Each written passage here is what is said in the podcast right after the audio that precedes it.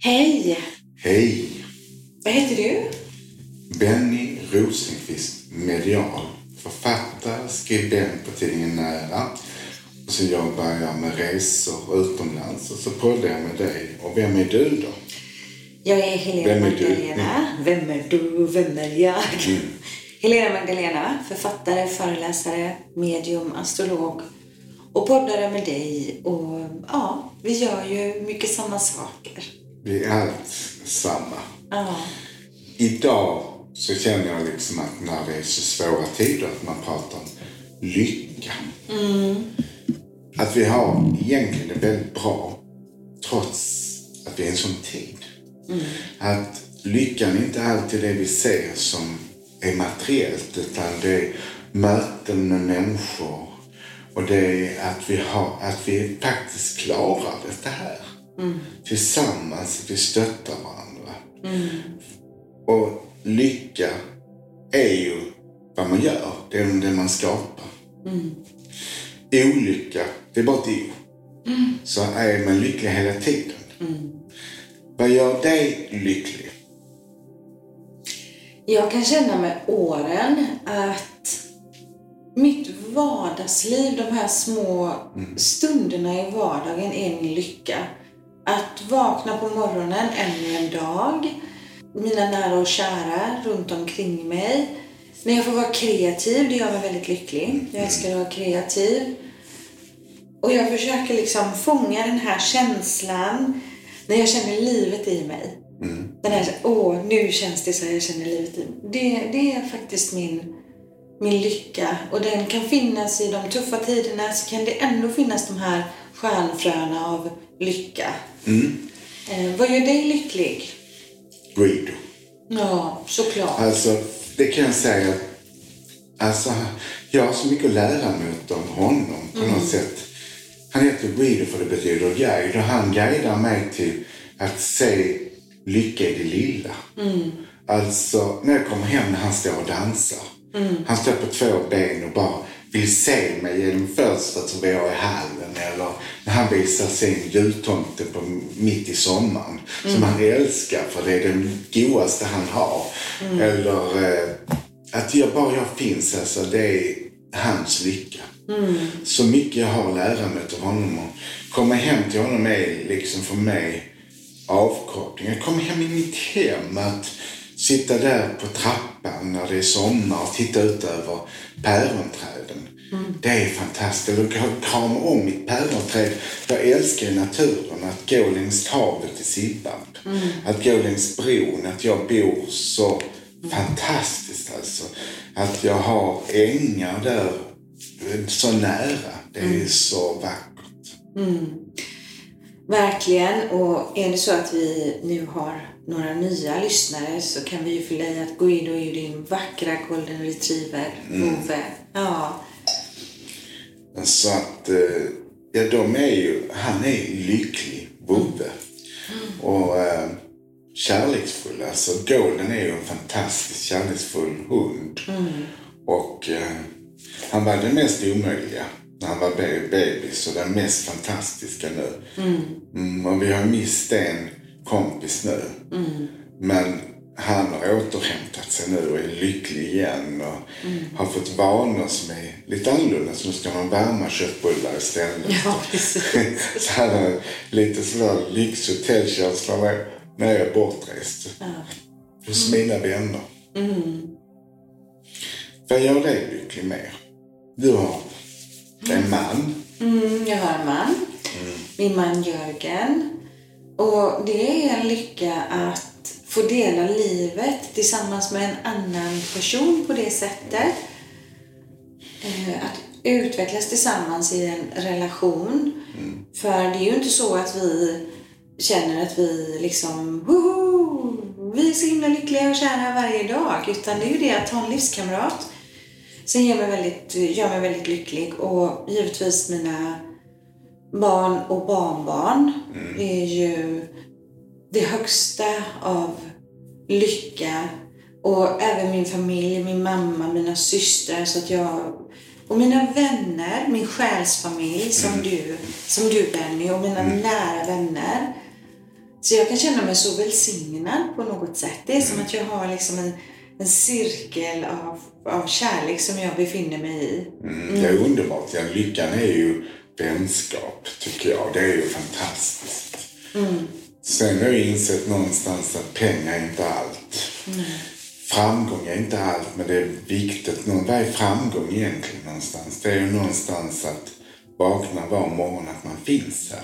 Ja. Det är en framgång var morgon man vaknar. Det är inte så självklart. Nej. Eh, Jag ser på framgång så här att utveckla dig själv till din högsta potential och göra det du verkligen älskar att göra varje dag.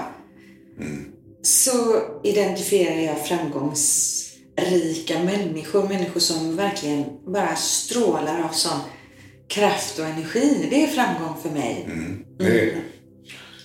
Det är ju fantastiskt att få göra det man vill och skapa den framgången. Och det, det kostar på att få göra det man vill. Man får ju prioritera, för det är inte så enkelt Nej. att få göra det man vill. Utan man får verkligen lägga ner mycket energi på saker. Men framgången kommer alltid när man arbetar hårt. Ja. Det är ingen myt om att hårt arbete föder framgång och insikt. Precis. ehm, och det är ju så.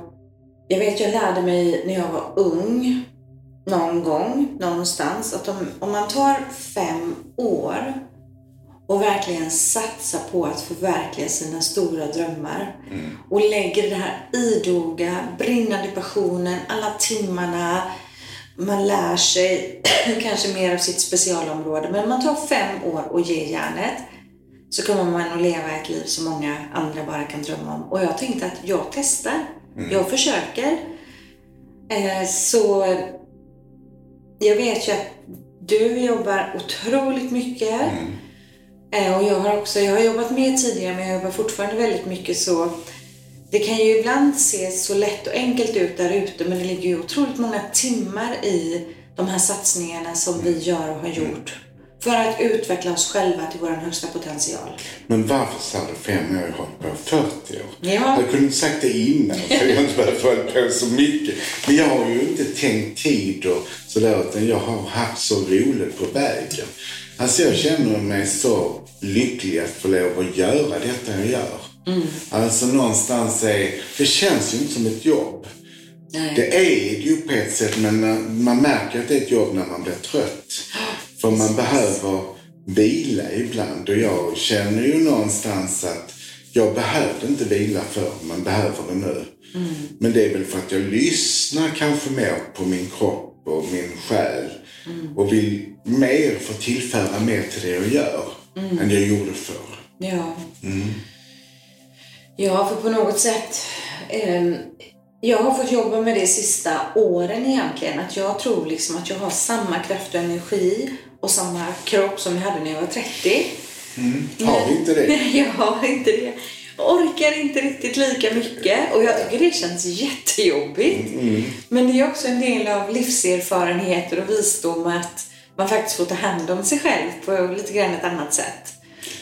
Men huvudet säger det på ett sätt men inte på ett annat sätt. För ibland är det ju någon del i hjärnan som säger du kan mer och du vill mer och du kan prestera mer. Den kreativa sidan. Sen finns det förnuftssidan som jag säger. Som säger du måste lyssna på denna sidan. Du behöver också vara Benny. Och den sidan vinner ju oftare när jag var ung. Så jag tror att man kanske var trött förr också, men man är förnuftigare nu. Så jag tror man alltid bör lyssna mer, att det är förnuftet mer än ålder och att ålderdomen är förnuftig på det sättet. Att värdesätter andra saker. Ja, jag har liksom så här känt om det senaste året, två åren, jag har dragits med lite ohälsa, tyvärr. Och det är ju det man får när man får en obalans inom sig, när det har blivit för mycket någonstans. Det är ju då som ohälsan kommer. Så jag har haft lite problem i axeln, jag fick bältros och ja, lite olika så här. Så jag har bestämt mig för att jag ska lyssna mer på kroppen, för kroppen talar ju till oss när det är någonting. Och då är det ju att försöka hitta den här harmoni och balans och göra det som gör en lycklig. Och jag känner att det är andra saker nu när jag är 54 år gentemot vad det var när jag var 24. Det skiljer sig åt vad lycka är för mig. Mm, absolut, absolut. Jag tycker jag är lyckligare i det lilla nu på ett annat sätt. Att jag värdesätter andra saker, möten med människor som jag älskar eller eh, stunder med mig själv är viktiga. Att vara med mig själv stunderna är jätteviktiga. Mer. Jag kunde inte vara ensam förr, nu längtar jag till min ensamhet också. Så jag var alltid översocial förr. Och sprang från ena mötet till det andra och stannade inte upp. Det gör jag ju nu. Och tycker om att vara i min ensamhet. Ja, det är värdefullt. eh, Den här egen, egentiden. Och du är ju författare och har skrivit många böcker. Och du skriver ju mycket och så här. Eh, Och då just när man får den här egentiden, då sker det ju en annan sorts utveckling i ens inre. Intuitionen talar och författarrösten kan sätta igång där plötsligt och prata på och sådär. Så ensamtiden är ju väldigt värdefull. Och för att ge utrymme till intuitionen så måste man få tid att lyssna. Men jag har ju ensamhet tid hela tiden med att jag mediterar. Så jag skapar ju faktiskt tid, egen tid. Alltid, även om jag har mycket så skapar jag den. Jag är alltid med min själ den timme jag mediterar på morgon och kväll. Jag mediterar annat också korta stunder på dagen men de är heliga för mig. Och jag hade nog inte överlevt Nej. om jag inte hade mediterat Nej. så mycket som jag gör. För jag säger att meditationen är en reflektion. Men det är också en återhämtning. Oh, ja. Och det är också ett sätt att sprida kärlek. För jag sänder ju kärlek när jag mediterar. Precis. Precis. Jag, jag blir lycklig av att flyga. Ja. Ja. När man sitter där i planet och det liksom gasar på och precis när man lyfter, då får jag en sån här euforisk lyckokänsla. Jag verkligen älskar att flyga, jag. Jag tänkte på dig, för du ska ut och flyga här nu. Eh, inom det snaraste. Och där kan jag få så här, åh, det blir nästan som en sån här förälskelsekänsla. Älskar att flyga. Ja, underbart. Eh, kärlek är ju någonstans att möta andra människor. Det gör man ju när man reser. Och jag tycker det är så skönt att vi kan resa igen, att vi, världen har öppnat sig för oss. Men sen har vi också lärt oss att vi behöver inte resa, utan vi kan hitta människor runt omkring oss, i det lilla också. Så nu när vi har varit tvingade till att vara hemma oss så har nya människor kommit in. Och framförallt har jag ju kommit in i mitt eget liv på ett annat sätt tack vare att jag var tvungen att hålla mig hemma på ett annat sätt. Och fick chans att skriva mer och utvecklas mer och reflektera mer.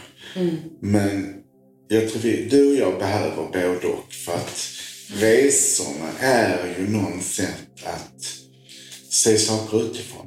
Att komma hemifrån, att se hem är bra. Att få det perspektivet på saker eller längta hem till det man egentligen har är nödvändigt också. För om man inte saknar det man har i vardagen så kan man inte älska det så mycket. Men jag kan känna någonstans när jag är på en resa och vad bra jag har det. Tack vare att jag får lov att se det utifrån. Ja, ja. Det är en väldigt värdefull reflektion där. Att se sitt liv utifrån. Eh, oerhört värdefullt. Och vi har ju precis varit på Näras kryssning. Och då hade jag för första gången mantrasånger Ja. med yoga flow. Så vi dansade och sjöng för full hals när båten gled över vattnet. Och då kände jag också en sån här lyckakänsla. Jag kände att nu gör jag verkligen det jag älskar att göra. Och det blev så härlig energi när vi gjorde det tillsammans. Mm. Och så gled båten. Jag tycker om att vara i rörelse. Att vara i rörelse gör mig lycklig.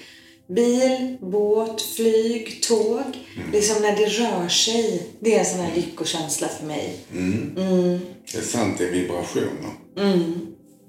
Om man är på väg någonstans, då kan jag få lite mer ro att sitta stilla. om, om jag är hemma så är det lite svårare att sitta stilla men Ja. sitter jag still på ett flygplan, då, jag tycker det är kort att flyga nio timmar till Florida. Det kunde gärna få ta fyra timmar till. För då kan jag sitta still för jag rör mig ändå. Sant. Mm. Så tänker jag på de som är rädda för saker. Mm. Rädsla gör att man blir olycklig för man blir begränsad. Mm. Jag tänker vara rädd för att flyga, rädd för höjder. Jag har varit rädd för att köra bil och det begränsar mig. Jag kämpade ju Mm. med led och sen var jag rädd för höjder. Det var ju obehagligt för mig att på Machu Picchu som jag hade velat ha. Mm. Så då blev ju resorna en begränsning istället för att de blev en lycka. Ja. Och när jag övervann det, så fantastiskt när jag kunde. Och den känslan gjorde mig lycklig att jag idag kör som en jugoslavisk biltjuv. det är fantastiskt. Och att jag, när Monica sa när vi sist och Lena sa att så här högt har vi aldrig varit på Machu Picchu. Och jag kände inte det. Nej. Jag bara var fri och var orädd från höjderna. Så man kan ju övervinna sina rädslor och det gör en lycklig tycker jag. När man vinner över sig själv, någonting som har begränsat en. Begränsningar är ingenting som är bra för någon. Men friheten att nå nya mål, att nå dit till dem, det är så fantastiskt tycker jag. Ja, det är en underbar känsla och jag är glad också att du tog dig igenom det där. Ja, för det finns ju människor som låter just de här begränsningarna begränsa sig kanske ett helt liv. Jag hade en del när jag var strax över 30. Jag hade pressat mig själv väldigt hårt under en period. Vilket gjorde att jag fick ganska många olika fobier som begränsade mig. Jag kunde inte sova borta och jag var rädd för att åka bil. Jag var rädd för att åka båt. Alltså jag var, jag var rädd för jättemycket. Eh, det var mitt kontrollbehov som... Jag ville att allting liksom bara skulle vara total kontroll så här. Eh, Och då blev jag också medveten om det att fortsätter jag så här så kommer jag totalt begränsa mig. Så jag har jobbat bort i stort sett alla av de fobierna. Eh, Det är en, eh, en fobi bara som jag har kvar. Och jag vet inte vad den heter på det här vackra språket men det är kräkfobi. Jag är väldigt rädd att människor ska kräkas. Det är bara den som sitter kvar. Det andra har jag kunnat faktiskt släppa taget om i tillit. Mm. För konstig fobi va? Nej, jag tycker inte det. För jag tycker faktiskt det är äckligt. Alltså jag, ja, det är värst jag vet själv. Och jag att göra kräka själv. Men ännu mer, jag kan ju, jag har ju lite grann när jag ser det blöder på handen också. Kan jag inte nu, men till exempel hade jag en pojkvän som blödde så hade han ingen nytta av det med för då svimmar jag. Ja. Det har jag lärt mig att inte göra. Ja. Men min för detta han, det blev en plafond som trillade ner på hans fot och det öppnade hela hans fot. Så jag kunde se senare det blödde. Jag kunde se in i hans fot och jag bara, där låg jag avsvimmad. Han hade ingen nytta av mig alls. Så han fick ta hand om mig istället för jag tog hand om honom. Så det är ju märkligt egentligen liksom. Men jag, det, han var ju starkare för det var hans. Han sa, nej men det är inte konstigt. Nej. För jag hanterar min situation men du så, du led med mig så det var egentligen din medkänsla som gjorde det och det är ju rätt. Det är ju det. är fint att ha den medkänslan. Men jag tycker också, jag tycker det är äckligt när man kräks. Ja, ehm, och det är därför... Alltså jag är ju inte nykterist. Jag kan ju dricka lite ibland, men jag är ju väldigt avhållsam. Men äh, jag blir väldigt osäker av att vara runt berusade människor. Dels att berusade människor blir väldigt... De blir ju oförutsägbara på något sätt och sen kan de ju dessutom kräkas. Ja. Så där sitter jag jättespänd på puben och håller koll på. Så socialarbetaren i mig också som börjar se liksom Vilken var det börjar gå över gränsen och sådär. Eh, Så det är väl en sån, det är de situationerna som jag tycker är jättejobbigt. Det andra har jag liksom ändå jobbat bort på något sätt, men just det här.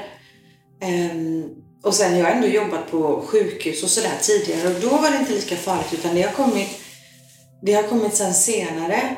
Mm, och det, jag lyckas inte riktigt få bort den där den där fobien sen, absolut, jag har ju fler rädslor och sådär. Ehm, men vet du vad? En rädsla, det, jag vet inte, det är liksom så här kan man ju säga.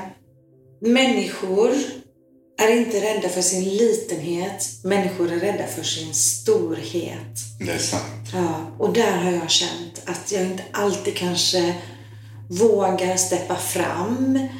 Eh, våga ta de här riktigt stegen och sådär. Det är lättare att tveka och skylla på någonting annat och göra någonting annat. Mm. Men det är, alla begränsningar är alltid jobbiga för en. Mm. Och de sitter ju bara i vårt huvud ju.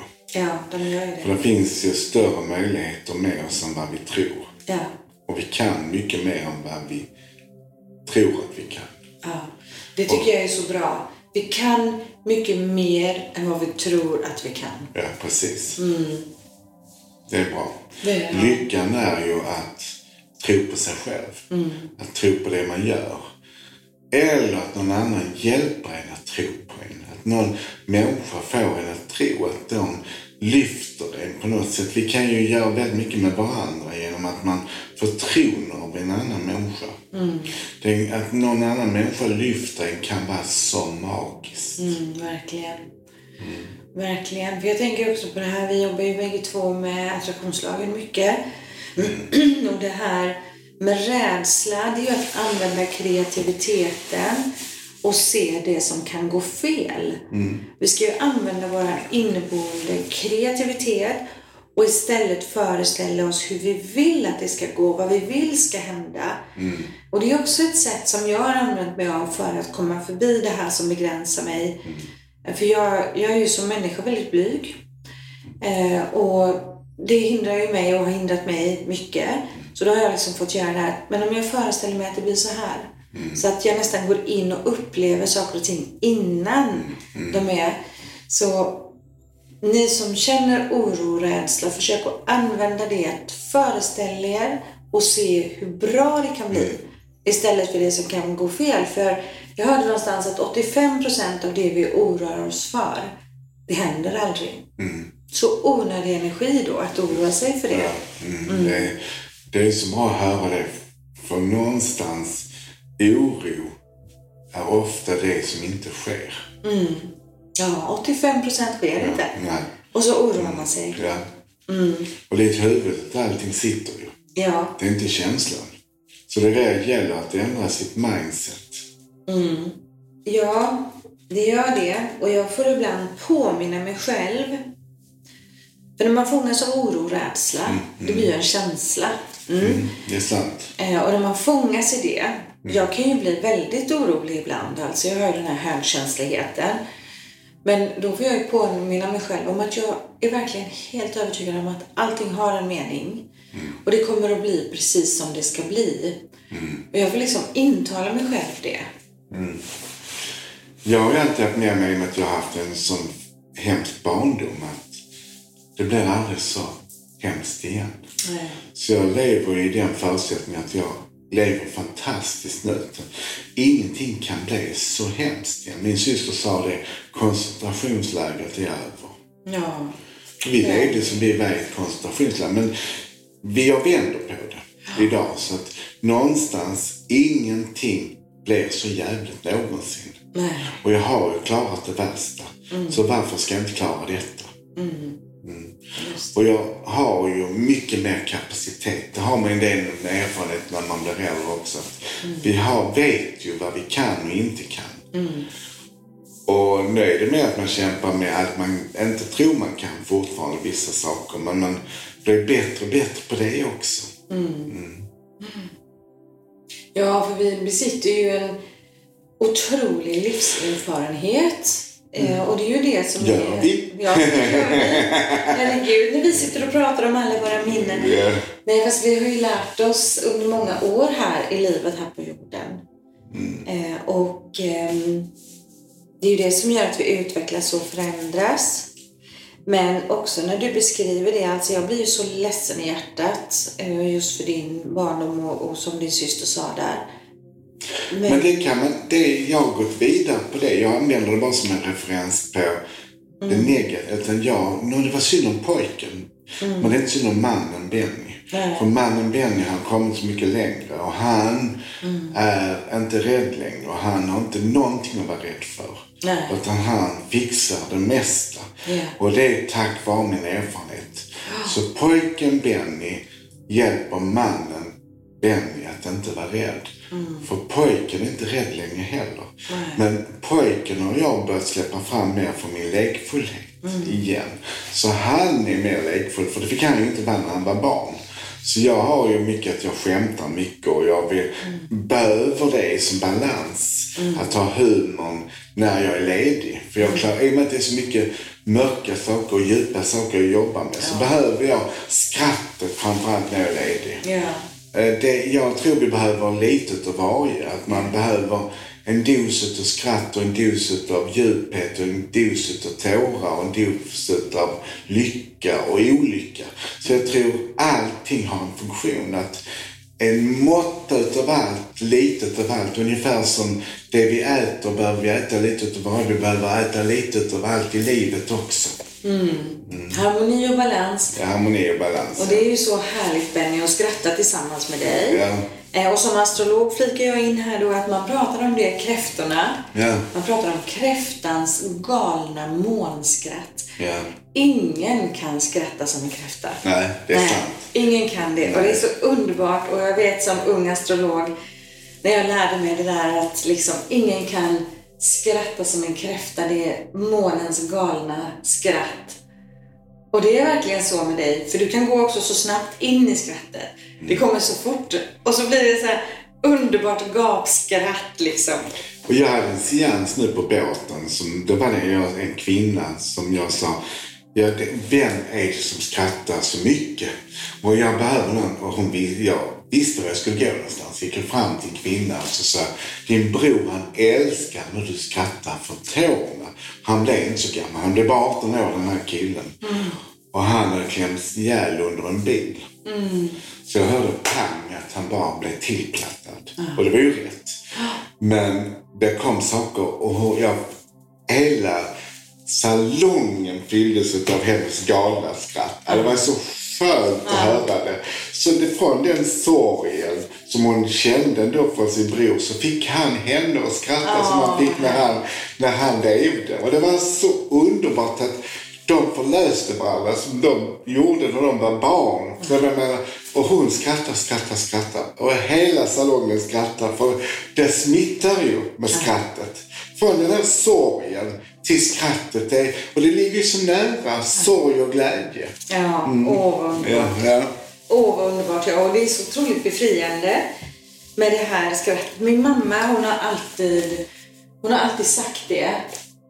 Jag längtar efter att skratta och jag träffar mina vänner och det är så underbart. Jag skrattar. Min mamma pratar ofta om det och har alltid gjort det, att hon vill skratta. Och det är verkligen befriande, de här skratten när de kommer. Och som du säger, i, för det kan ju vara så ibland, man är väldigt, väldigt ledsen och man sitter där och gråter. Så mitt i allt elände så kommer det här skrattet fram. Och man känner att man behöver fnissa istället och så kommer, kommer skratt. Så man kan säga på en begravning, då är man ledsen. Så efter snacket, när man kommer ihåg hur, vad kul man haft med den här människan, så kan det blandas med en skratt och tårar. Mm. Jag kommer ihåg en Gertrud Hemmel som var en fantastisk kvinna som jobbade på Sveriges Television. Hon skrev helt apropå texterna. Och hon var ju humor. Och hon var så som gick ut och rökte. Och hennes eftersittningar, alltså hennes, det var så som hon var där, att hon var bara ute och rökte och vi andra pratade med henne. Så hon var så närvarande så hon var ute och rökte och hostade. Och så kom hon in och så ha så var allting som vanligt. Alltså, så, och det var champagne och det var god mat, för så var Gertrud. Så i hennes efter, det, eftersittningen, efter begravningen, det var så underbart för hon var närvarande. Hon var där med att springa ut och röka. Så vi var, hon var bara ute och rökte. Grann, så skulle hon komma tillbaks. Ja, vad fint. Mm. Ja, vissa har verkligen en kraftfull personlighet. Mm. Ja, men det var ett härligt program om lycka, vardagslycka och den stora lyckan och skratt och sorg och det var fint när du sa att vi behöver en dos av allt. Då kände jag det är livets recept, Benny. En dos av många olika ingredienser. Det är det vi behöver. Och lyckan är det vi skapar när vi lever som mest. Så puss och kram. Puss och kram och tack för idag. Och vi hörs snart igen. Det gör vi. Hej då!